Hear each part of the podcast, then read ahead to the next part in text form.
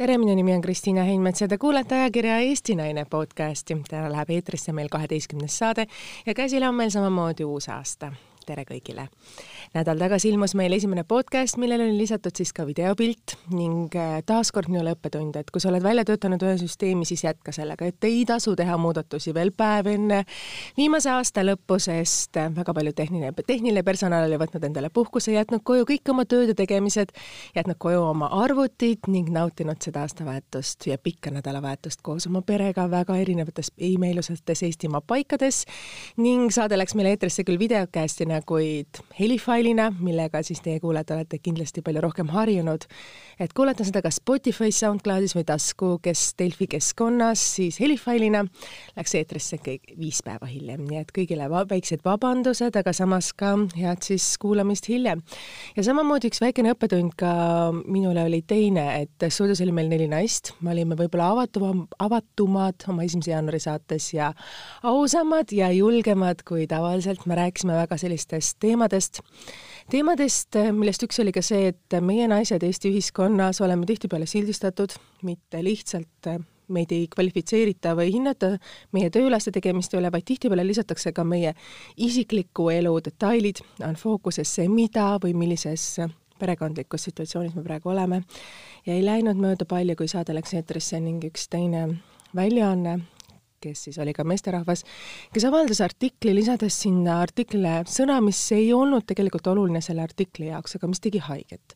tegi haiget mitte ainult Evelinile, ka, vaid ka väga paljudele teistele naistele, sest mingil hetkel, kui me lisame juurde ühe sõna, see sõna, mis saab alguse tegelikult suurest armastusest, suurest tundest, mis mingil hetkel kaob meie elu keerisesse, aga see tunne jääb ikkagi osaks meie südamesse ja kui see muutub, see kaob, siis meelde tuletada, et seda enam ei ole, on väga valus, et kui midagi kirjutada sellist, siis võiks nagu mõelda teinekord, et kas on mõtet teha haiget, kas on mõtet lisada üks sõna, mis võib muuta ja teha haiget nii paljudele sellele inimesele, kellest seda kirjutatakse ja ka võib-olla paljudele naistele, kes on seda pidanud läbi kogema, ka mina, et võib-olla natukene empaatiavõimet ja headust oleks ka mitte klikkide kogumisel võib-olla parem mõte.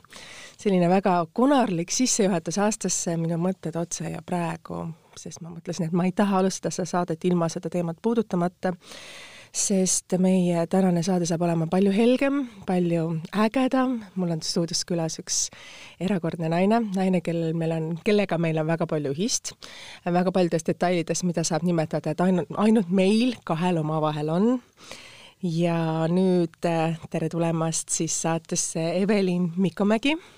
tere, tere ja head uut.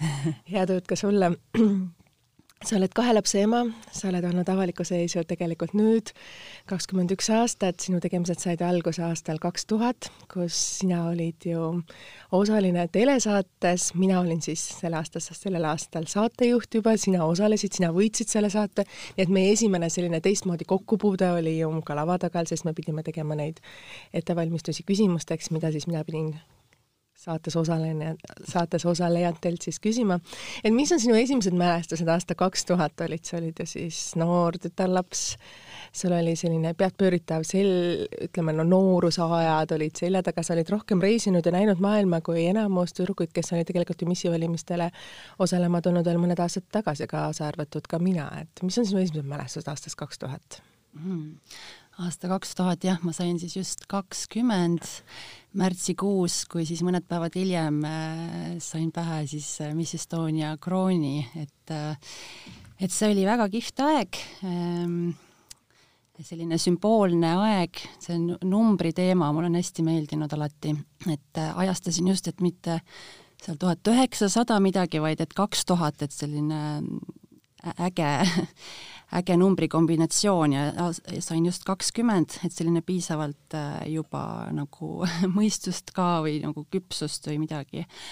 et, ähm, et see oli väga ilus aeg, väga ilus aeg, et äh, kihvtid mälestuses ja eks ma olin piisavalt ka naiiv, samas nagu uudishimulik, et mis noh, see oli nagu äh, kihvt võimalus minu jaoks ja ma tegin seda tegelikult sellepärast, et et, et taaskord maailma näha, et see andis nagu uusi võimalusi jälle reisida ja uusi kogemusi saada, et see oli kindlasti selline kihvt kogemus mis jääb meelde elu lõpuni kas sa usud numbrikombinatsioonidesse, sa ütlesid aasta kaks tuhat, nüüd on aasta kaks tuhat kakskümmend üks, sul on kaks last, sa oled samas ju nüüd teist korda alustanud samas valdkonnas otsast peale, alguses ju modelliagentuuriga, nüüd nagu teise modelliagentuuriga, kas võib öelda mingis mõttes siis uus alus, algus number kahega?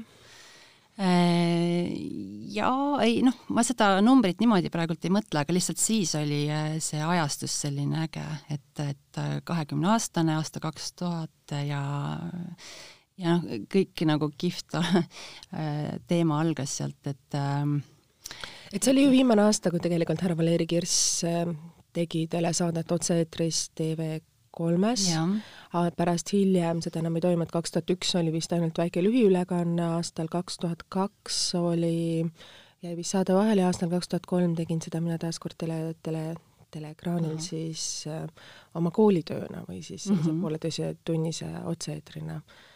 et ja pärast seda ei ole ju Eestimis Estoniat olnud, et kas sa nagu oled mõelnud tagasi, et on selline nostalgiline teema ka, et tegelikult oleks võinud seda telesaatena jätkata, et et kui sellel oli tollel aastal huvi, võib-olla oleks ka suutnud seda hoida elus.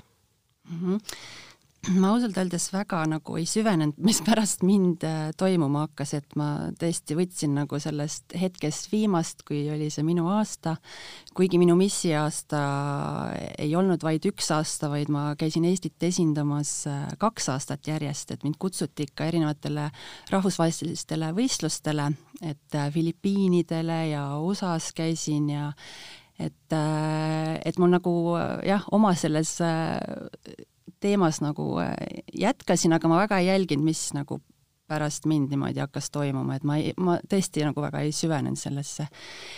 et, et elasin nagu hetkes ja selle iseenda teemaga seal ja et ma olin tegelikult ju elasin siis ju Stockholmis, ma õppisin ju Stockholmi ülikoolis samal mm. ajal, et ma ei olnud väga palju Eestis isegi et ähm, aasta kaks tuhat oli tegelikult, kui pikalt oli sul aega, et minna sinna rahvusvahelistele võistlustele, et ma olen ise mõelnud aastaid hiljem, et minul oli aega ette valmistada viis nädalat.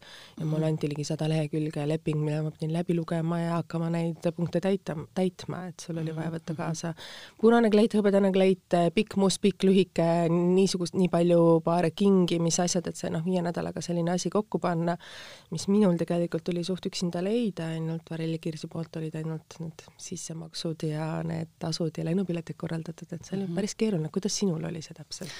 no see Miss Estonia võit oli märtsis, siis maikuus juba oli, tuli lennata sinna Miss Universumile Küprosel. noh, see oligi natuke üle kuu aja tegelikult. jaa, see oli väike aeg, aga mul oli seal äh, toetajaid, näiteks Tallinna Moemaja äh, andis kollektsioonid kaasa ja mm -hmm. et, et selles mõttes äh, see oli nagu korraldatud aga ma mäletan jah, kui ma sinna Miss Universumile läksin, siis minu noh, kuidas seal kõik teised olid ette valmistunud äh, noh, meeletute garderoobidega ja meigikohvritega ja mida kõik, et mul oli üks pisikene selline väike, väike kott, kus oli enam-vähem huulelõige ja ripsmedušš, et, et ma nagu ei olnud tegelikult üldse selle teema sees nii ette valmistunud et ma läksin sinna rohkem nagu kogemust äh, koguma ja kuna ma õppisin samal ajal ka filmindust Stockholmi ülikoolis äh, ja la laenasin kaasa endale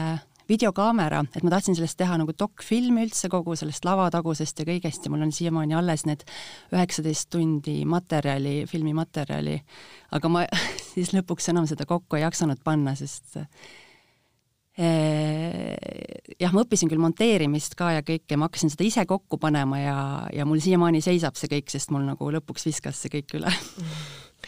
Sa rääkisid, et äh, sinu ettevalmistused olid noh, suht väiksed, kui sa võistlustele jõudsid. Küprosel, kui pikk oli see periood ja mis asja sa nagu sellest nagu mäletad? oi, see oli jah, kuu aega olime seal, elasime sellist viie tärni elu, see oli noh, see oli nagu fantastiline, see huvitav oli näha seda äh, Ameerika produktsiooni, see teleproduktsioon, et see oli nii võimas ja nii professionaalne ja kõik see oli hästi korraldatud. see ju toimus siiski Euroopas selles mõttes? jaa, see toimus Euroopas jaa, aga see oli, kuna see lõppvõistlus toimus äh, USA aja järgi, see oli äh, ja siis see tähendas seda, et et need proovid ja kõik olid sätitud selle järgi, et kell neli öösel toimus see võistlus et kell neli öösel, ehk siis meil olid öö ja päev olid kõik sassis seal ja noh, see oli meeletult väsitav oli see kõik, nagu sa võib-olla ise mäletad, oled ise samamoodi käinud.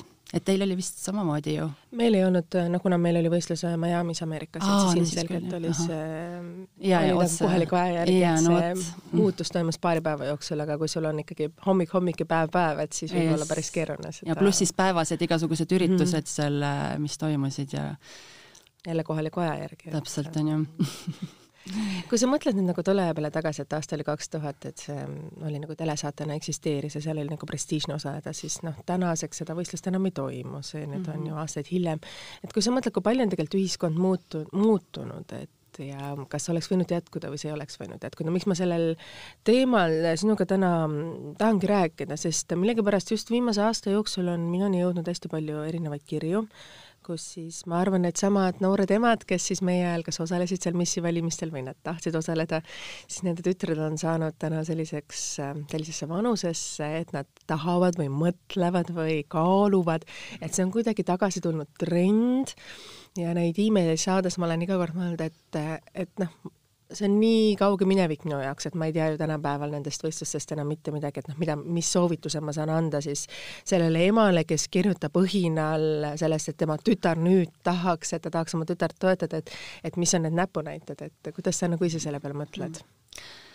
Äh, jah, eks ähm, äh, kaunitel emadel sünnivadki kaunid tütred ja kindlasti mõeldakse, et rakendust, et mis, mida võiks teha ja kus ennast proovida ja ja samas, et, et ma ei teagi, kas see nagu on võib-olla nende emade mõte, võib-olla tütreid soovitada, et, et, et ma ei teagi, nagu noorte seas vist see missi teema ei ole üldse nagu aktuaalne enam. Et ta ei ole aktuaalne täpselt? mina olen küll aru saanud, ma puutun igapäevaselt kokku noorte inimestega ja ma pär- päris nagu selleni küll pole jõudnud, et ja kui me mõtleme aastal üheksakümmend, et meil oli Vahur Kersna, kes ju juhtis äh, neid äh, Eesti Miss Estonia valimisi, et see oli nagu erakordne juhtum, et mm. meil oli kõik ilu oli keelatud äh,, miniseelik oli ju keelatud Nõukogude ajal ja siis on sul see kõikvõimalik teha, siis ilmselgelt siis poisid tegid ju punkbändi, värvisid oma juuksed, kuidas öelda, tupeerisid äh, need suured kõrged soengud endale, igal koolil oli oma punkbänd ja igal koolil oli oma miss, et see oli omamoodi nagu revolutsiooniline vastuhakk ju kogu sellele režiimile, kus oli keelatud, et ja see oli midagi ju see, mis me, mida me tollel ajal ju meedia kaudu ka siis oma nendest enamuselt mustvalgetest televiisoritest ju ka vaatasime, et kui Soomes olid need tuntud punkbändid, Soomes oli ju ka see Soome missi valimine ja see Miss Universum või Miss Worldi valimised, mida mina lapsena vaatasin, et see oli nagu kauge kättesaamatu unistus, et see oli omamoodi ju ka siis äh, noh, oma unistuste realiseerimine, poistel siis punktbändidena võib-olla ja siis meie trikoodes laval marssides oma, omas mõttes, mis oli ju veel mingil hetkel ju ühiskonna poolt taunitud ja keelatud, et noh, täna on jälle see olukord ju muutunud. jaa, et äh, et praegult on jah, need ähm, kuidagi võimalusi on äh, rohkem, piirid on avatud ähm,, on, äh, et, et see, et see missivalimiste teema, see on natuke jäänud nagu äh, aja hammaste ma, ma olen sinuga absoluutselt nõus, et, et kui ta veel oli, mõnes mõttes ta oli nagu selline ühiskondlik statement sel aastal kaheksakümmend, üheksakümmend ta nagu muutus, tekkisid ju tegelikult äh, supermodellid, missid ja. ja siis sellised äh, missid kaotasid oma sellise, kuidas öelda, tähtsuse võib-olla ja tuntuse, siis aastal ju kaks tuhat oli, kus meil siis äh, modellid muutusid jälle, influencer'id hakkasid nagu rohkem mm -hmm. tulema kõigepealt näitlejannadena mm, -hmm. siis täna on ju need in Instagrami influencer'id ja Facebookid või, või vabandust väljendusest, ma nüüd olen ka natuke vanakooli inimene, et võib-olla mõtlen mõne, mõne detaili nende suunamudijate suunas siis väga valesti, aga on ju tegelikult igal kümnendil on kuidagi omad enda iidolid ja praegu ma hakkan mõtlema, et kuhu me siis edasi lähme aastal kaks tuhat, kaks tuhat kakskümmend üks nüüd. ja täpselt. et ähm, jah, need ajad on jah muutlikud et eh, noh, ühiskond ju niivõrd palju on ju muutunud, et mina oli ju aasta üheksakümmend seitse, siis kui mina valis, mind valiti ja. ja kui mõelda nüüd edasi, et siis ja samas telesaatena me võtame, võtame kas või meil on ju Eesti Laul on tänase nüüd selle mm -hmm. Eurovisiooni võistluse, et kui tähtis oli see võistlus aastal seitsekümmend või kaheksakümmend, ka üheksakümnendatel, üheksakümnendatel, hiljem on ta selline võitja loo osas on see, kuidas öelda, see tähtsus ka vähenenud, aga seda rohkem on ta vaadatud telesaatena ja hinnatud tehtud kui telesaatena mm. -hmm, mm -hmm. jah, mis ma oskan kommenteerida praegult, et äh, et, et, et äh, see missi teema, see on pigem rohkem äh, mööd, möödanik ma olen sinuga absoluutselt nõus, et see kunagi oli tähtis, täna ta kindlasti enam ei ja, ole. ajad muutuvad. aga kuhu siit, kuhu siit edasi?? Et just naiste suhtes, et, et kus ennast äh, tõestada või äh, sina ju vaata kunagi lõid ju aastal ka mm, kohe pärast neid missivalimisi oma ju Living Modelsi modelliagentuuri, siis täna sa oled, täna sa oled nagu seotud natukene uue agentuuriga, et ja. ka seal oled ju kindlasti täheldanud neid trendide muudatusi.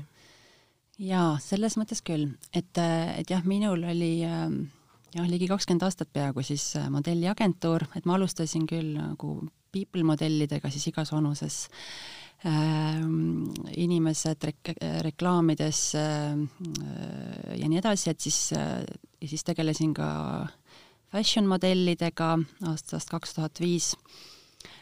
ja, ja siis, siis ma mingi hetk äh, võtsin pausi, kui mul tuli tütar ähm, kaks tuhat seitse, siis äh, võtsin nagu rohkem pausi ja et näha, vaadatagi kõike seda nagu rohkem kõrvalt ja observeerida.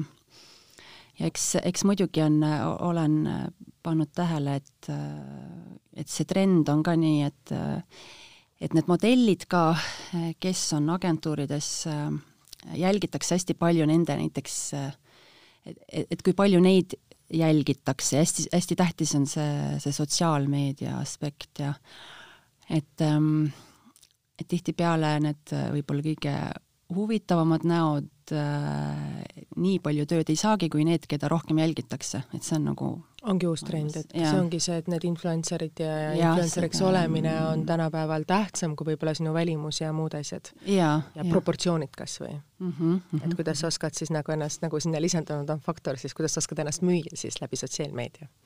ja ei, kindlasti, kindlasti jah, aga tegelikult jah, et mis seal, mis seal jah, taga tegelikult on, et kui palju nagu et seda ei oskagi lahti seletada tegelikult, kas sina mida... agentuuri juhataja, agentuuri juhtides vaadates seda, kuidas öelda siis, seda äri ju tegelikult hoopis professionaalsemas valdkonnas ja see, mis tegelikult müüb, on ju hoopis teine, mis, mis, mis valiku inimesed teevad mm -hmm,. jah, jah, jah.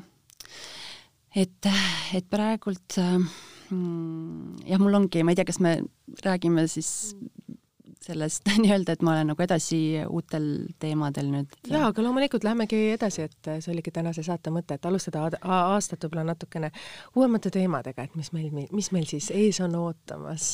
jaa, et, et nagu ma ütlesin, mul oli siin vahepeal oli siin äh, paar aastat sellist väikest nagu äh, hingetõmbepausi, äh, et pühendasin rohkem ennast äh, lastele, äh, siis mul oli siin ka keskkonnateemad ja ma noh, natukene olen olnud eemal, hoidnud madalamat profiili, aga nüüd siin just siin mööduva aasta sees tegi mulle Terje Kissa Agency Iconist ettepaneku lüüa punti siis tema agentuuriga, mis on äh, siis nüüd Eestis äh, praegult ka nii äh, inimeste nagu, nagu selle su suuruse ähm, või noh, et, et mida roh-, et et neid inimesi, kui palju seal agentuuris on, on nagu suurim agentuur Eestis ja ka käibe poolest äh, kõige nagu edukam.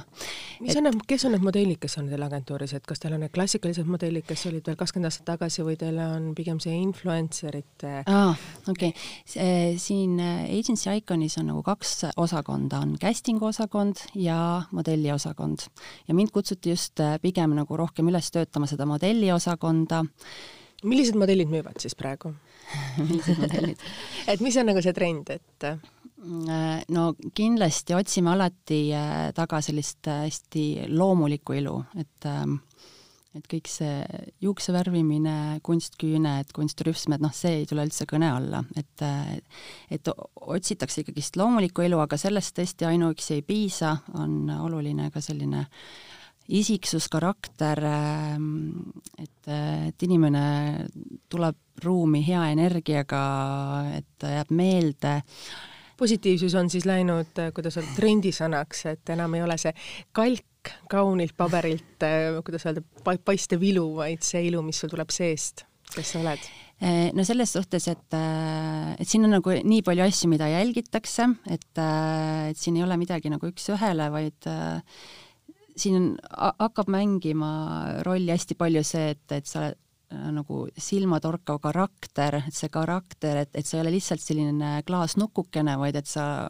sul on ka isiksust ja omapära ja sa tegeled huvitavate hobidega, oled nagu äh, selles mõttes, sul on sisu, sul on äh, nagu oled huvitatud kultuurist äh,, tegemistest äh,,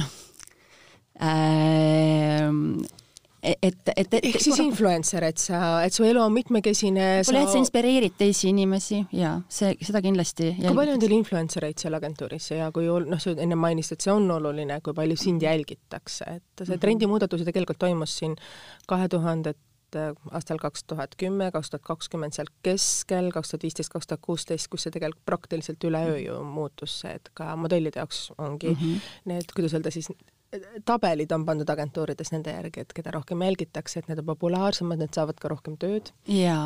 et on oodatud ka see, et see modell ju jagaks oma, kuidas öelda siis, oma töiseid tegemisi või siis neid reklaamikampaaniaid mm -hmm. ju tegelikult oma sotsiaalmeedias, et see on üks osa vist juba, kas see, kas see pannakse ka kin-, sisse ka lepingutesse, et sa lähed tegema seda reklaami, et sa pead kas oma sotsiaalmeedias näiteks nii palju postitusi teht-, tegema, et kas see nüüd on ka osa lepingutest?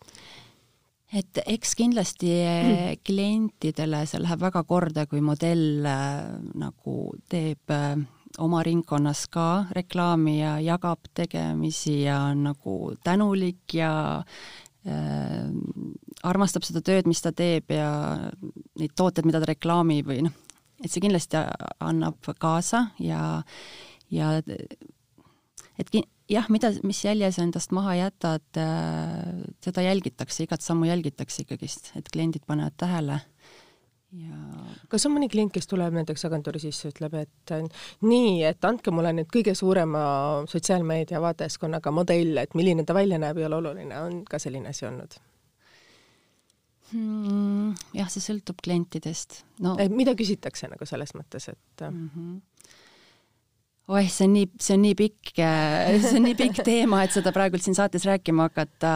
on keeruline? ei no selles mõttes, et on nagu, siin on nii palju nüansse, et, et eks nagu äh, põhiklientuur on üldse välismaal, rahvusvahelised kliendid ja Neid ju kohalik, äh, kohaliku sotsiaal, suure sotsiaalmeediaga tüdruk ju tegelikult ei huvita, et Eesti on ju nii pisike, et kui ei sul..., seda küll, seda küll jaa, et, äh, et eks, eks ega, ega kõik kliendid ka ei jälginud, et ei ole oluline, et, et peab olema keegi influencer seal, et aga noh, see trend on muidugi selline. et trend on nagu sinna, sinna suunas.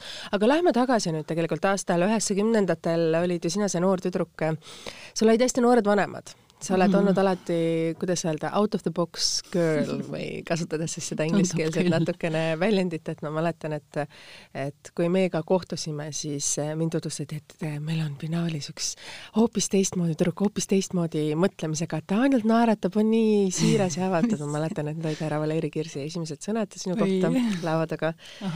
noh, ikka selline, keegi ütleb sulle mõne sõna, et kellega siis kohtuma lähed või, või okay., või kes ja mis on need või mis on nagu need trendid meil nagu sellel aastal seal no, finaalis, et sellised salajased seljatagused ähm, jutukesed. okei okay. põnev. Äh, sa oled ju tegelikult noorte vanemate laps. jah, seitseteist olid äh, mul mõlemad vanemad, äh, kes on ka siiamaani koos, nad jah, meil on peres kolm last, mina olen kõige vanem, siis on vend aasta noorem ja õde kaksteist aastat noorem et äh, kui sa nüüd tagasi mõelda, seitsmeteistaastaselt äh, saavad äh, kaks noort inimest endale järjest siis ütleme noh, erinevate vahedega kolm last ja sina oled nende esimene, et kui sa tagasi mõt-, vaatad nüüd, et äh, natuke hullumeelne. päris hullumeelne ikkagist. et täna on seitseteist veel teismeline no,. nagu laps ikka täitsa onju ja alaealine onju. jah, täpselt, et kaheksateist on siis täna, täna on reeglid nagu rohkem paigas, et tollel ajal seitseteist oli väga noorevanemad. Jaa, aga, aga ma olen tagantjärgi kuulnud, et, et ma ikka olin väga oodatud mis, mille üle mul on hea meel. et milline oli su lapsepõlv mm.? kui palju sulle anti iseseisvust oi,? oi-oi-oi, okei okay., ühesõnaga minu lapsepõlv oli väga värvikas, meil ma kasvasin üles või noh, lapseeas elasime Pelgu linnas, seal Stroomi ranna lähedal ja see oli hästi kirev ja hästi värvikas ja tore, et seal oli palju sõpru, palju toimetamist, palju seiklusi.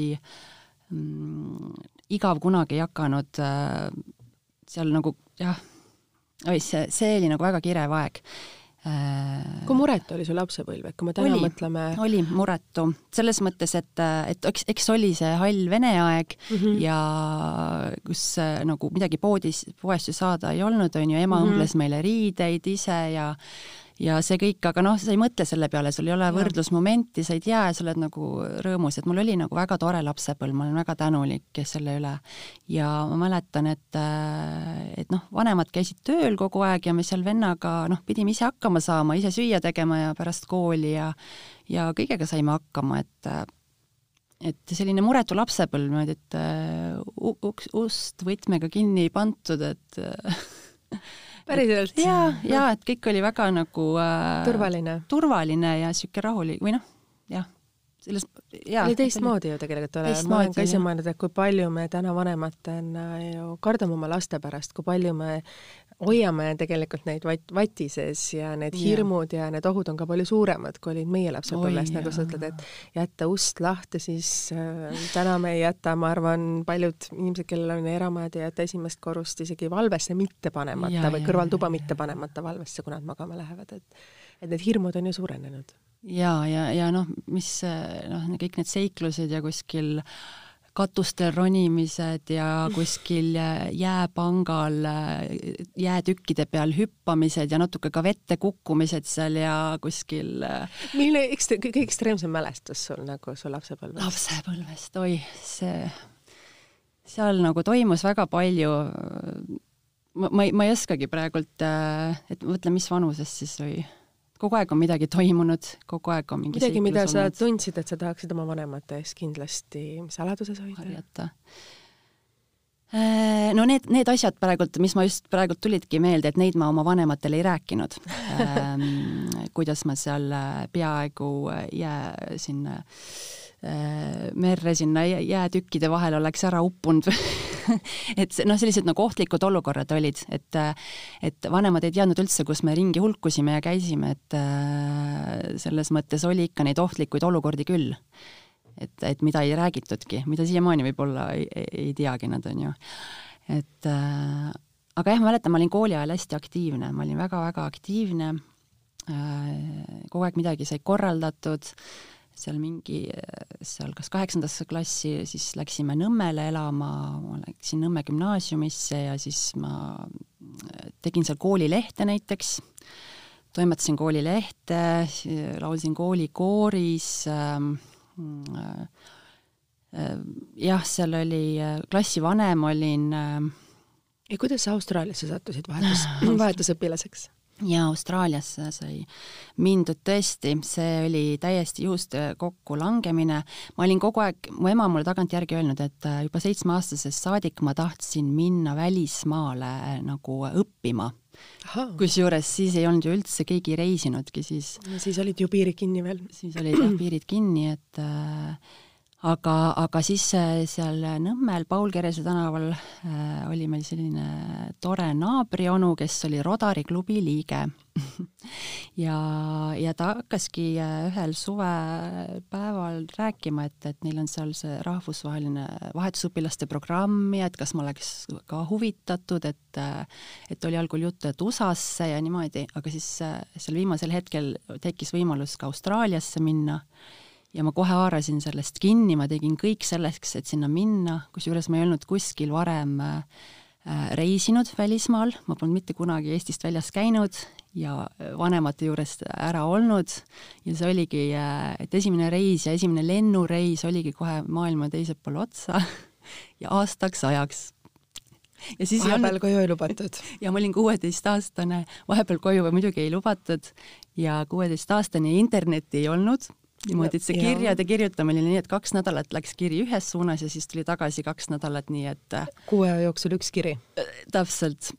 ja, ja telefonikõned olid nii kallid, et seda nagu ei, ei tohtinud väga teha seal.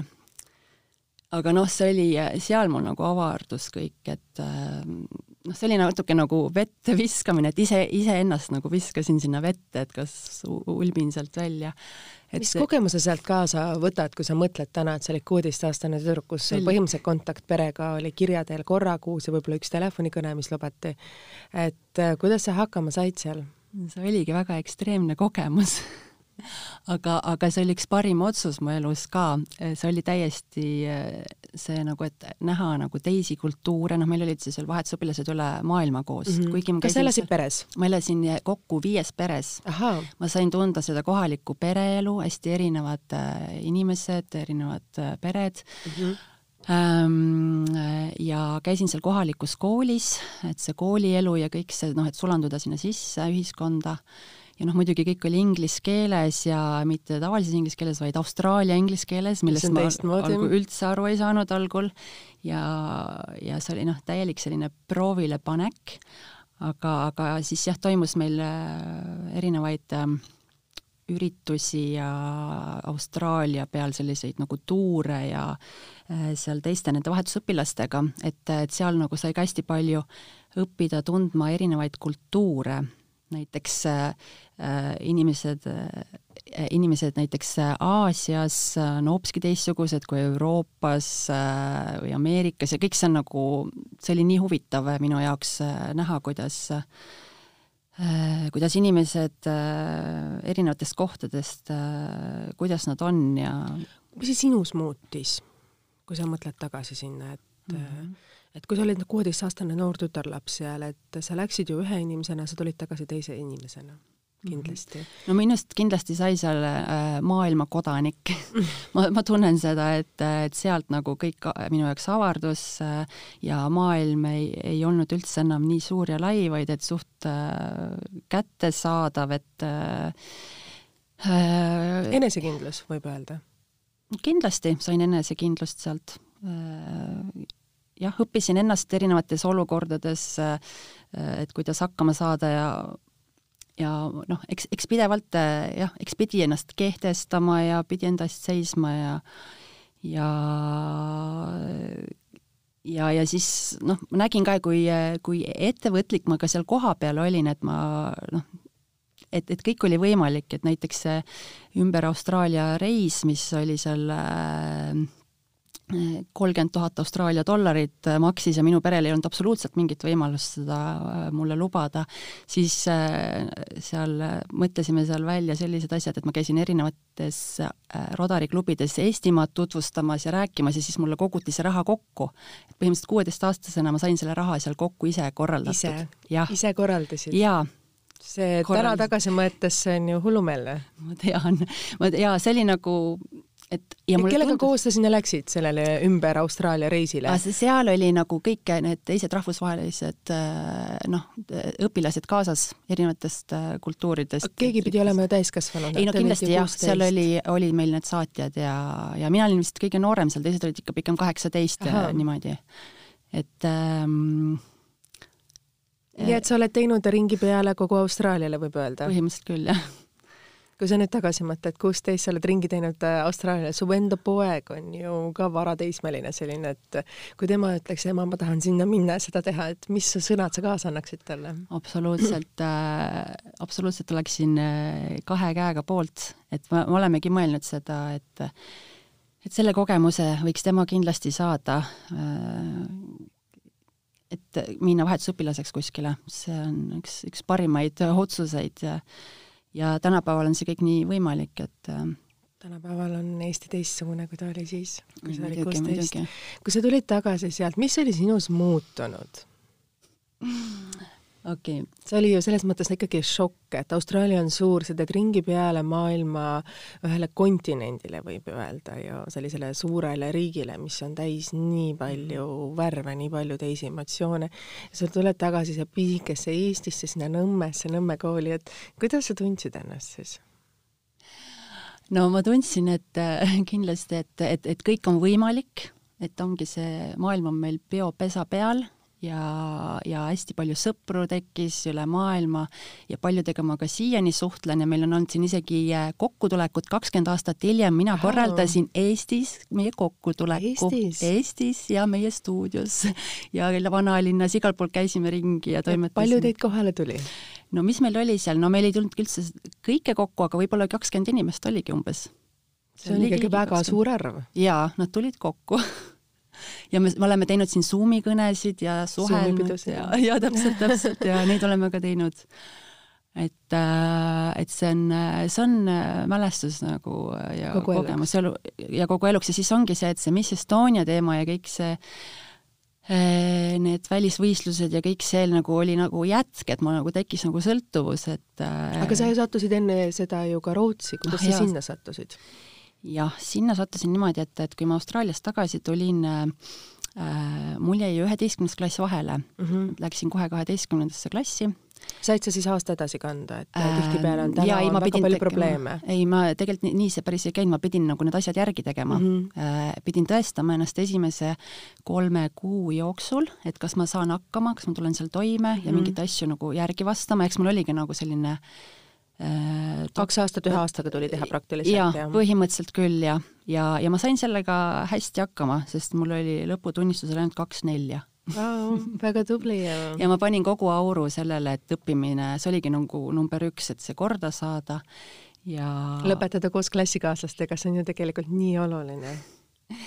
jah, jah, et äh, selles suhtes kindlasti eks, eks see, see klassikaaslaste ja kogu see teema on täitsa eraldi teema, millest ma praegult ei tahaks hakata rääkima, et, et kuidas inimesed äh, äh, kuidas inimesed äh, suhtusid ja noh, seda kadedust ja asja ja kõik. aga räägime sellest, et no tollel ajal oli ju Eestist väga keeruline välja saada, täna me oleme ju, ma arvan, praktiliselt iga eestlane on kindlasti käinud Soomes, Rootsis, Läti, Leedu, noh võib-olla ka Venemaale on mindud ikkagi nagu siin lähikondadesse ja kui kellelgi on natukene rohkem ettevõtlikkust olnud ja peredel on rohkem võimalusi olnud, siis ka kaugematesse riikidesse on ikkagi võimalik lennata, et see lennupileti summa ei ole täna enam nii utoopiline, kui ta oli tollel ajal, et isegi kuupalk ei küündinud, tihtipeale tavainimese kuupalk ei küündinud isegi lennupileti lennupileti hinnani, mis oli siis näiteks kas või Tallinn või Lond-, Tallinn-London veel üheksakümnendate algusel, et see mm -hmm. oli mhm. ju, võib-olla aastapalk oli sul üks lennupilet edasi-tagasi, aga elamine ja muud asjad olid ju keerulisemad ja Austraalia on ju veel ekstreemsem. nojah, see Austraalia reis oli ka niimoodi, et pool sellest reisust maksis kinni mulle see üks Soome Rodari klubi. jah, et kuna meil ei olnud võimalust äh,, siis äh, jah see, oli ka nagu osaliselt korraldatud. et aga, aga, aga mis kui sa tagasi tulid, et äh, sa ütlesid, et oli väga palju kadedust, oli väga palju nagu no, kõõriti vaatamist, et sa olid ju saanud sellise kogemuse, teinud ringi peale Austraaliale, et äh, kuidas seda vastu võeti? ei no see oli äh,, ah, see on selline pikem jutt, aga äh, ütleme nii, et mul ei olnud kõige lihtsam see klassi äh, olukord seal. klassi tagasi tulla et...? jaa, ma tahtsin tegelikult üldse kooli vahetada, aga kuna pabereid ei jõudnud sisse anda, siis siis äh,, siis ei mänginud välja, aga noh, see kõik oli nii ammu ja et sa nagu ise tundsid ennast õpilasena halvasti, et no. et sa olid saanud kogemuse, mida teised ei saanud ja seda kadeduse tundmist võis olla no seal oli jah, seda omajagu. sa olid ikkagi kuu, kuusteist, seitseteist noor tüdruk ja eks, eks seda tuli jah, selles mõttes, aga, aga eks see, on, see on tavaline, et need, kes midagi teevad, toimetavad, siis ikka on inimesi, kes, kellele see ei meeldi. et sa ju sattusid siit äh, pärast kooli lõpetamist Rootsi, Rootsi oli ju selles ja. mõttes ikkagi küps, valmis ühiskond tollel ajal juba. Eestis tuli ju kõik need asjad, olid otsast peale, et mm -hmm. ei mhm. olnud ju reegleid, puudusid igasugused detailid, et et ähm, kas või mhm. seitseteist aastat sa olid ju valmis lapsevanemaks saamas, et äh, ei ja, olnud ja. nagu selliseid kindlaid reegleid. et kui, kuidas sa nüüd võrdled seda, et kui sa läksid siit Eesti ühiskonnast Rootsi ühiskonda, et mis oli seal erinevus mm? -hmm. et äh, jah, peale keskkooli läksin kohe siis Rootsi, tahtsin võtta aasta vabaks enne ülikooli minekut, aga, aga jäingi seitsmeks aastaks, jäin üldse Stockholmi ja läksin seal ülikooli. Ehm, et aga kuidas sa sinna sattusid alguses? Ma lihtsalt otsisin pärast keskkooli tööd ja leidsin ühe kuulutuse, mis oli, no seal oli isegi, et lapsehoidja teema oli, et, et tahtsin lihtsalt proovida, et keelt õppida ja et kuskil elada. ja lihtsalt, natukene eemale ja, et ma nagu tahtsin kohe nagu näpud sügelesid, tahtsin kuskile jälle minna. Ja oligi selline esimene ettejuhtuv töökuulutus, kirjutasin sinna, see oli üks äh, pere, kus äh, isa oli seal nii piloot kui doktor kui ka mingi military chief ja ta ei olnud kunagi kodus ja siis ma pidin lihtsalt olema abiks seal sellele emaks, emale ja kahe poisiga seal ja ma õppisingi seal seda rootsi keelt ja nagu käisingi äh, noh, kui nemad, lapsed olid lasteaias, siis ma käisin, õppisin äh, rootsi keelt ja siis ma saingi Stockholmi ülikooli sisse ja, ja põhimõtteliselt lõpetasin seal, et meedia, meediakommunikatsiooni valdkonnas ja õppisin ka filmiteadust nagu lisaainena kuidas oli elu Rootsis, et mm. Eestis sa läksid ju ikkagi väga no, lihtsatest oludest Rootsi, kus kõik ja. oli paigas, aga noh, see hinna, hinnavahe, hindade vahe oli ju tollel ajal meeletu. Nojah ähm,. kuidas sa hakkama said siit seal? hästi, ma seal Austraalias juba ära käisin, siis see Rootsi oli nagu käkitegu. et äh, selles mõttes, eks Rootsi on jah, selline heaoluühiskond, seal on hästi selline võrdõiguslikkus, äh, noh, seal on nagu jah, natuke teistmoodi see ühiskond ikkagist ja inimesed, aga, aga sa adapteerusid sinna hästi? jah mulle sobis see, need ülikooli aastad ja kõik äh,, mul oli seal väga huvitav, mul oli, õpingud olid kõik rootsi keeles, noh, see oli ka selline väljakutse, et, äh, et hakkama saada. pidid ära õppima keele? jah, ma tegelikult äh, oleks pidanud kolm aastat ennem rootsi keelt õppima, enne kui neid äh, aineid hakata, aga ma sain mm -hmm. kahe aastaga selle kuidagi tehtud, ma organiseerisin seal kõik need mingid materjalid ja asjad ja sain nii-öelda nagu ühe aasta võite sealt. et äh, see oli ja vahva. sa kohtusid ka ju väga noorena oma eluarmastuse, oma inimesega, kes on sinu kõrval seisnud siiamaani, kellega sa ütled, oled öelnud, et sa ei taha kunagi abielluda, et sa nagu väga ei usu abielusse, et kui vaadata seda, milline on meie ühiskond olnud, et te olete ju olnud kogu oma elu koos, et Svenne no. oli su esimene armastus ju, võib öelda nii? nojah, selline suurem kindlasti, et, et ma olin, ma olin kaheksateist, kui me kohtusime. kuidas?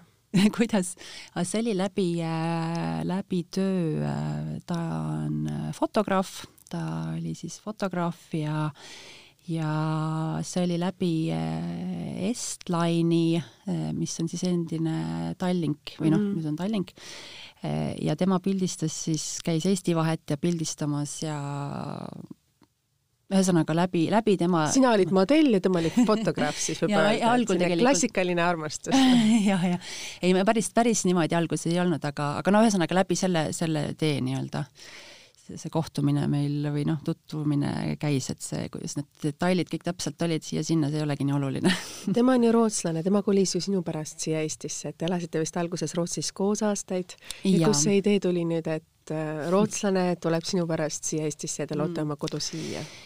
No siin oligi nii, et äh, aasta kaks tuhat kolm me tegime siia Eestisse selle äh, fotofilmistuudio XL stuudios ja mis siiamaani toimetab äh, ja selle stuudio me tegime, aga samas ise me elasime Stockholmis, aga mm -hmm. kogu aeg on ju ettevõte, kui on siin, siis oleks ju vaja siin olla.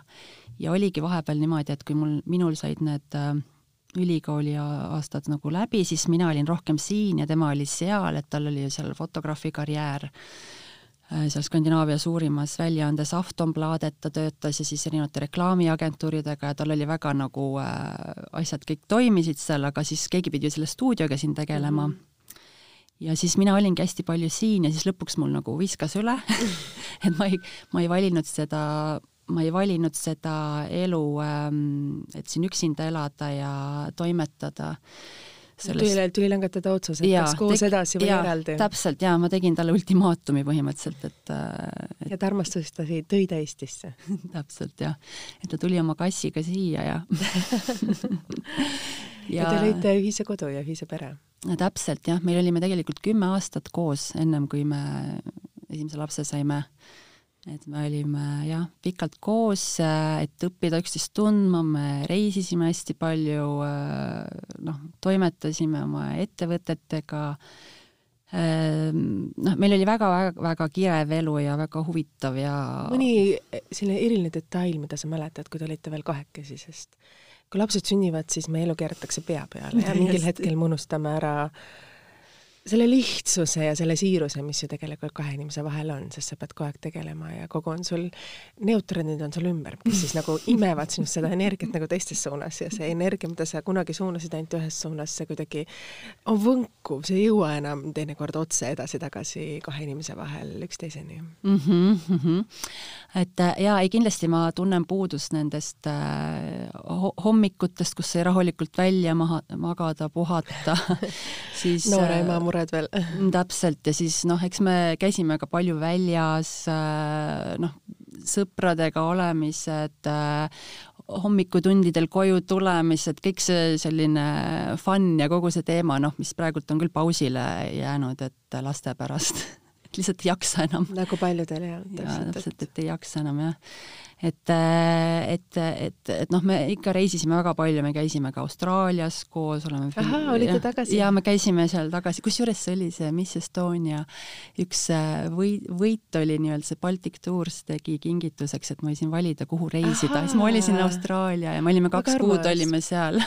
Seiklesime ringi ja peatusime igasuguste minu nende perede ja sõprade juures seal ja pulmas käisime veel ja et äh... see oli ju teistmoodi aga räägi, kui sa läksid uuesti Austraaliasse tagasi, et äh, mismoodi oli see, võib-olla kas ühiskond oli seal muutunud, kuidas sa vaatasid ise, sa olid ise arenenud, olid ju selleks ajaks nagu metsikult ja sul oli ju taga ka suur no see... nõndanimetatud äh, missi ja modelli pagas juba, et siis oli ka, siis ka sinu positsioon oli võib-olla suht äh, teistmoodi kui ei noh, mis seal ikka, mis seal ikka, ega see jah, ei, see oli kindlasti väga tore nendele inimestele noh, näha minu arengut ja niimoodi. Aga mm, jah, mis ma tahtsingi nüüd öelda. mis olid et... need kaks kuud Austraalias, kui te läksite Svennega tagasi? oi, see oli nii ammu ma ei mäletanud. ei no see oli täielik, see oli seiklus, see oli seiklus, me käisime seal. Äh, ämblikke nägid, mõni ronis teile kinga oi, me nägime väga suuri skorpioneid ja, ja kängurusid ja koalasid ja krokodille ja käisime sukeldumas ja noh, ei, seal oli ikka korralik seiklus oli, et noh. et oli pulmareis omamoodi. Pulmareis. Jaa, et jah, sa tõid teemaks selle, et, et jah, et me ei ole tõesti, me ei ole abielus me oleme, see on kuidagi meie selline nagu otsus, mõlemipoolne olnud, et mina nagu ei oota seda sõrmust ja me, me, me, me võtame seda selliselt, et, et me saa-, nagu meil on see vabadus valida igat päeva olla koos äh, nagu äh,, nagu vabast tahtest, mitte et midagi kohustaks meid või äh, mingi paber või äh, noh. väga ilusti öeldud ja sõnastatud jah, et me nagu võtame selle, et see on nagu meie nagu vabadus olla koos, et me, kuna me nagu tahame seda koos olla, mitte et me peame nüüd olema, et kas sa arvad, et abielu muudab seda, et mm. kui sa ei ole abielus, see on su vaba valik, kui sa oled abielus, siis sa pead? inimesed on nii erinevad ja paljude jaoks on see väga püha äh, teema ja väga suur tähendus, et olla abielus äh, ja noh, paljude jaoks on ka kindlasti see äh,, mis see nüüd see, kas turvalisus või ja. mingi sümbol või et pigem just äh, naiste jaoks. naiste jaoks, jah. sest noh, meie peame mingil hetkel võtma valikud ja tihti olema ka nende lastega ja. kodus ja võib-olla ka oma karjäärivõimalusi mm, -hmm. kuidas öelda, allapoole tooma, kui me soovime lapsed esipoole e, ettepoole mhm. seada. no vot, meil ongi see teema, et kuna meil on need ettevõtmised koos, meil on nagu perefirmad, siis meil on äh, ära fikseeritud nii-öelda notariaalselt see võrdsus ja et me noh, et see nii-öelda see vara teema on nagu meil äh, ära fikseeritud omavahel mm. -hmm. et selle me tegime nüüd noh, tagantjärgi veidi hiljem ära, et lihtsalt, et see oleks tehtud, et äh, et ei tekiks küsimusi. et kunagi ei tea, mis võib ju juhtuda elus, on ju, ükskõik kes meiega või mis iganes. et selle asjaga on okei okay,, aga lihtsalt, et ähm, et see kuidagi meie jaoks, et, et, et meile meeldib pigem kutsuda või nimetada üksteist, et kas siis abikaasa või husband või wife on ju asemel nagu girlfriend või boyfriend. See hoiab nagu niisugust nagu noorust ja särtsu meie jaoks, et et, et jah, selline kas see võib öelda, et on teie siis suhte aluseks, et, et on nagu teistmoodi, et ei ole kohustust, vaid on vabadus ja on see ja. vabadus, mis nagu seob rohkem, sa tunned seda? jaa, täpselt. see, see nagu hoiab meid koos, nagu anda üksteisele sellist nagu hingeruumi Äh, et ja noh, usaldust peab olema ju, aga noh, ega see paber ju ei muuda midagi tegelikult, ega see ei tee rohkem sind äh, nüüd äh, noh, üheks või teiseks, et kas sul on, kas teil on lapsed näiteks küsinud, poeg on teil juba, saab kaksteist? jaa, jaa, märtsis. märtsis kaksteist, et on tema küsinud, et aga emme issi, millal te abiellute, et see tuleb kuidagi ühiskondlikult, et ma tean tuttavaid, kes ei ole abielus olnud ja lapsed on pigem need olnud, kes hakanud ütlema, et aga emme issi, miks te ei ole abielus? eks võib-olla äh, millalgi on sellest võib-olla juttu natuke tulnud, aga ta nagu ka aktsepteerib sellisena, nagu me oleme, et äh, et äh, jah, tal ei ole võib-olla seda väga sellist võrdlusmomenti, et nagu kõik, kõik toimib, et miks muuta seda, kui kõik toimib milline ema sa oled? kui me juba lasteni jõudsime. jaa, ema. no jah, ma olen hästi palju selle peale mõelnud, et ma tahaksin olla hästi äh, selline äh, nagu siin ja praegu ja äh, seda, et, et lastel oleks äh, nagu hea mälestus minust ja, ja meie su, nagu selline tore suhe jätkuks nagu elu lõpuni, et et nagu ehitada üles sellist, et see on kuidagi hästi loomulikult tulnud, et see nagu see niisugune turvatunde loomine ja et meil on väga hea äh, side lastega äh,, hästi äh, et lapsed on meie jaoks väga-väga olulised, et see on nagu parim investeering üldse elus ja mida tahaks hoida ja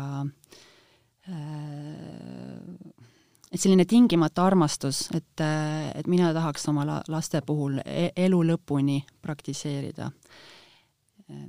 Et, et, et ma, et ma olen, ma olen õnnelik ema, mul on nii väga ägedad lapsed ja, ja nad on hästi ka iseseisvad ja nagu hästi sellised isiksused, et et, et me e-, elan igale sammule kaasa, et ma, ma noh, ei ole selline väga niisugune pushija ema, et ma et, et äh, poeg on palju vabadust lastele, ma tean. ja hästi palju vabadust ja isemõtlemist, aga noh, eks muidugi peab natukene distsipliini ka olema näiteks, okei okay,, ma ei hakka mainima seda, aga ma hea meelega kuulan, et mis on see distsipliini äh, reeglid sinul, et no, täna, ähm, täna näiteks oli selline asi, et, äh, et mul tütar, noh, ma olen siin kõik see aastavahetus ja jõulud ja kõik on öö ja päev on sassis.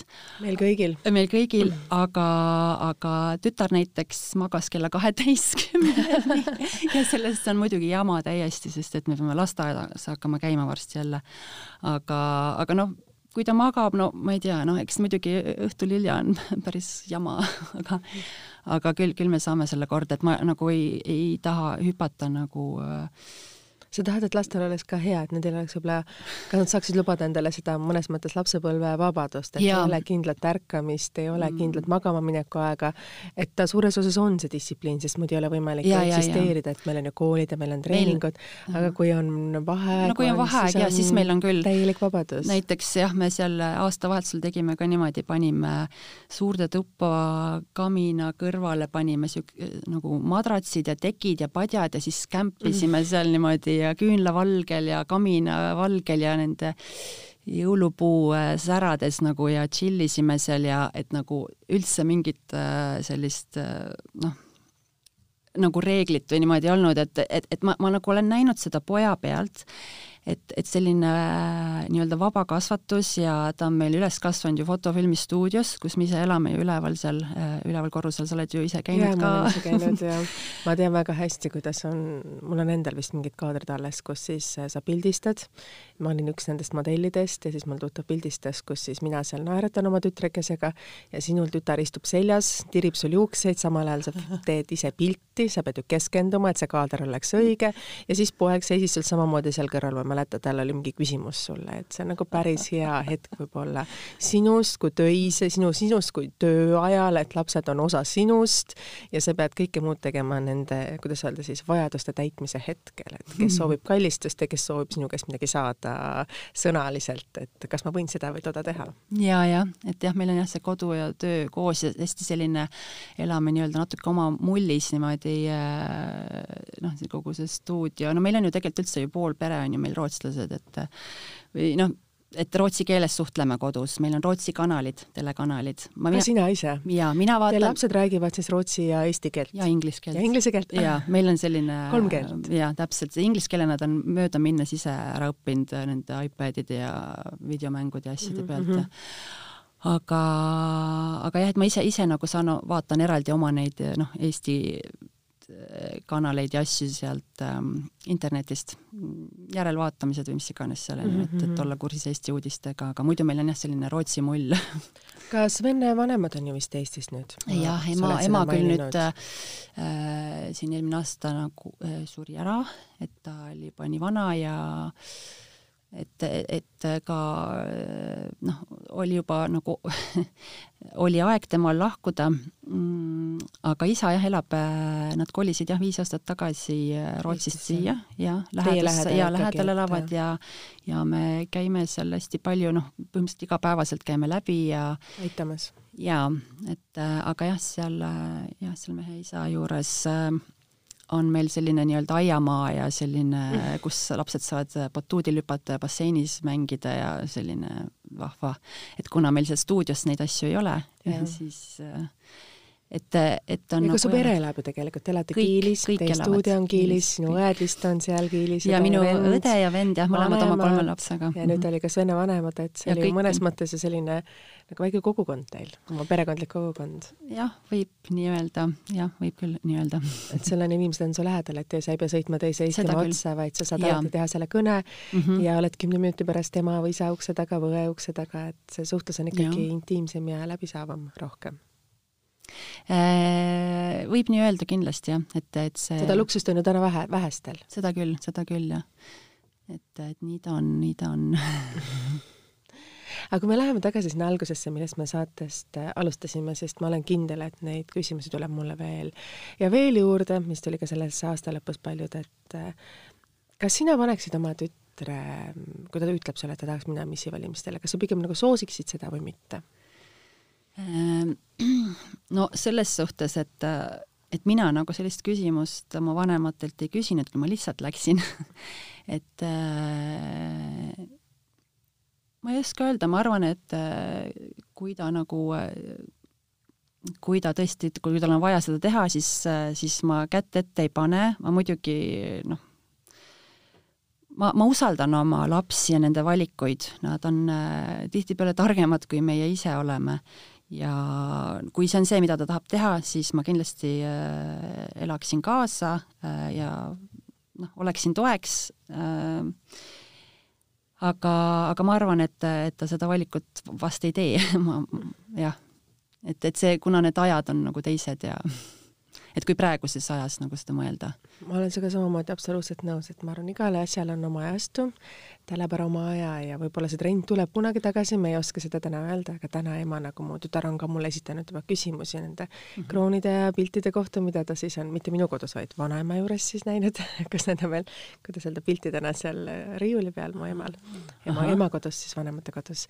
et siis ma vastaks nagu samamoodi, kuna minu käest on seda küsitud, et kui mu tütar teeb selle valiku, siis loomulikult ma toetan teda, aga ma enne esitan talle mitu küsimust no, kindlasti jah, ja ma lasen tal ikkagi enne, kuidas öelda, challenge challenge'i teha, nagu mu poeg hakkas viiulit mängima, siis ta Aha. rääkis mulle kaks aastat, et ta soovib mängida viiulit ja mhm. noh, ilmselgelt Aha, nagu ise hakkas niimoodi täitsa jah, et ise ilmselgelt mina emana ütlen, et noh, poiss, poiss ja viiul, et see on väga keeruline, et ta ikka okay. kaks aastat rääkis sellel teemal. enne kui ma vastasin, et jah, et okei okay,, et ma olen nõus sellega, et ma toetan ja siis me kuidagi sattusime sinna muusikakooli ja siis ta pidi veel kuu aega tõestama, et ta tõesti tahab harjutada, et uskumatu, et, et temal selline soov oli ja eks see et, et see ongi, et kui laps tahab mm, -hmm. siis ma ei pane kätt ette, ma toetan mm, -hmm. aga ta mhm. peab olema selles tahtes väga kindel ja, ja võib-olla siis sellised minupoolsed ähm, kuidas nõudmised ära täitma, et ta ennem nagu saaks aru, et mis ta võtab, et see ei ole nagu lihtne tee, et mm -hmm. need on väga sellised nagu teistmoodi ja rasked valikud, et kui sa võtad selle, otsustad selle valiku kasuks, et sa võtad ka siis vastutuse, et sa ei lähe nagu ei, muidugi. niisama seda tegema, et ehk kui minna sinna samamoodi, mitte lihtsalt minna kuskile mm, korraldatavasse kuskil ööklubis missivalimistele, vaid kui sa lähed, siis sa teed pigem seda nagu tõsisemalt või selles mõttes, et muidugi, ka sellel muidugi, peab jah. olema ka mingisugune väljund ja selles ja, mõttes me... ka eesmärk sul, miks sa seda teed, et lihtsalt niisama osaleda võib-olla vast mitte, sest noh, neid niisama võistlusi, mis toimub maailmal, kuhu on ka võimalik siis esindama minna Eestit jutumärkides või mm -hmm, noh, neid on mm -hmm. nagu tegelikult nagu nii palju, aga no, võistlusi, kuhu võiks minna või kuhu võiks üldse nagu pretendeerida, on tegelikult tänaseks alles jäänud ju ainult kolm okay.. et see on ju tegelikult Miss Universum, Miss World ja siis meil on ka vist Miss International. Miss Earth on vist see kolmas, kus ma ka käisin. jah, Miss Earth, mis neid mm -hmm. neli on, ütleme sellist, et aga kõik mm -hmm. teised on, täna on, homme ei ole ja igale poole mujale minnes vast ei ole mõtet, et kui ah, sa et kui sa tahad nagu tõsiselt või noh, tahad ennast proovile panna, sa selles valdkonnas arvad, et see on sinu jaoks nagu äge, et sa tahad, et siis noh, need, need on need neli võistlust, kuhu minna ja kui sinna osalemine kohalikul võistlusel ei vii sinna, siis ma arvan, kõik muu on kui lihtsalt kogemust saada, on okei okay,, aga mm, -hmm. aga noh, mina ise nagu soovitan, et kui see ei ole eesmärk ja sinna nagu välja ei jõua, siis vast ei ole mõtet, et haridus mm -hmm. ja investeering võib-olla oma nendesse teadmistesse on kordades parem kui igasugustes ah, sellistes muidugi, muidugi. osalemine, vähemalt täna. jaa, aga näiteks äh, mis puudutab äh, modellindust, äh, millega ma nüüd olen uuesti väga aktiivselt hakanud tegelema mm, -hmm. nagu uute modellide värbamine ja kogu see teema, et mina võtan seda rohkem nii, et anda ka noortele võimalust maailma näha, reisida, et mul ja. on nagu natuke see väike missioonitunne, et, et ükskõik, mis see siis nüüd on, et, et praegult antud juhul on see modellindus, aga samas agency iconis meil on hästi nagu tervislik suhtumine ja eetiline selline väärtused ja et, et tüdrukud oma tervise peale ei hakkaks ja ja me teeme seal noh, nii-öelda nagu äh, erinevaid workshop'e, et kuidas ka näiteks, mida oma rahaga peale hakata äh,, kuidas, kuidas elus läbi lüüa ja ega see ju modellinduse aeg on ka mingi hetk elus, aga et pärast, et mis nagu edasi saab ja ma olen absoluutselt nõus sinuga, et kui sul on see võimalus, et sa saad noorena reisida, kogemuse saada mm -hmm. ja sul, mitte sa ise ei maksa selle eest, vaid sulle tegelikult ju makstakse peale, et Muidugi. sa saad sinna minna, siis jah mm, -hmm. et mhm. sa siis loomulikult mine proovi, katseta, sest sa oled ükskord elus ainult noor ja ükskord elus sa saad minna ilma igasuguste, kuidas öelda, reegliteta ja täiesti vabana reisida, et hiljem tulevad sul muud kohustused või muud asjad, millega sa pead arvestama, et kindlasti seda noorusena, nooruses ära kasutada, ma olen ka alati oma tuttavatele ja nende lastele soovitanud, et kui on võimalus minna kas või nädalaks New Yorki või nädalaks sinna Milanosse, siis äh, võta see risk ja mine käi see elukool läbi, et see kindlasti annab sulle juurde, et sa ei kaota kindlasti mitte midagi. aga noh, ma ütlen nagu missi valimine, et see on nagu teistmoodi, et seda, seda tuleks teema, teha teadlikult, et modellitöös sa võid katsetada seda mm, -hmm. et see on nagu katsetus, aga noh, mis, missi asi, et siis noh, see lihtsalt katsetusena, ma ei tea, kas seda on nagu vaja teha. ma arvan, et vast isegi mitte äkki aga Evelin, aeg on nii kaugel, et me peame saate kokku võtma. aitäh, et sa tulid saatesse, see kujunes natukene täiesti segasumma-suvilaks mõnes mõttes meie jutuajamine, kuna me teame üksteisest võib-olla nii palju ja siis seda vestlust nagu vedada ühise sellise mm, hingetõmbena oli võib-olla keerulisem minu jaoks, et et see toimus küll ühe ühise hingetõmbena, ei toimu mitte ühtegi väljalõikamist ega mida, vaid kõik, mis toimus, toimus siin otse ja praegu ja võib-olla mõningad punktid, mis ma olin siia paberi, paberile kirjutanud endale arvutis või siis arvutiekraanile, siis need, ükski nendest ei toiminud et jälle teistmoodi saade siia aasta algusesse, nii et mm -hmm. tänan veel kord, Evelin, et sa tulid siia saatesse. aitäh sulle, kallis saatusekaaslane Sära hinge, Kristiina. aitäh nende ilusate sõnade eest ja tänan nendega päikest, et sa tõid meie stuudiosse, kus meil aknaid veel pole, see on selline väike kinnine spetsiaalne ruum, et heli oleks siin võimalikult perfektne, aitäh nende kollaste lillede eest sulle oh. ja tänan teid, kalli kuulajad, et te leidsite aega olla osa podcastist, sest ilma teie toetuseta ei oleks seda saadet ja seda saadet ei tehtaks, kui teid, kallid kuulajad, ei oleks olemas Neid tavalisi lihtsaid, sõbralikke vastuseid Eesti ja vestlusi siin Eesti naiste vahel ei saaks toimuma ausalt, otse, südamest südamesse, aeg-ajalt võib-olla liiga avatult ja peame ka arvestama sellega, et see avatus võib teinekorda tuua kaasa võib-olla mingi selliseid torke. aga selleks me ju elame, et olla, et eksisteerida kõige oma headuses ja kõigi oma nende puuduste ja kõigi oma nende heade hetkedega siin elus, et oleks, mida mäletada, et elu ei oleks ainult üks silejoon, vaid oleks nii tõusud, kui oleksid mõõnad ja me julgeksime igasse asja astuda otse ja ilusti. aitäh teile, kallid äh, kuulajad, te saate kuulata saateid nii Delfi taskukeskkonnas, SoundCloudis kui ka Spotify's, et aasta kaks tuhat kakskümmend üks oleks täis headust ja kohtume juba nädala pärast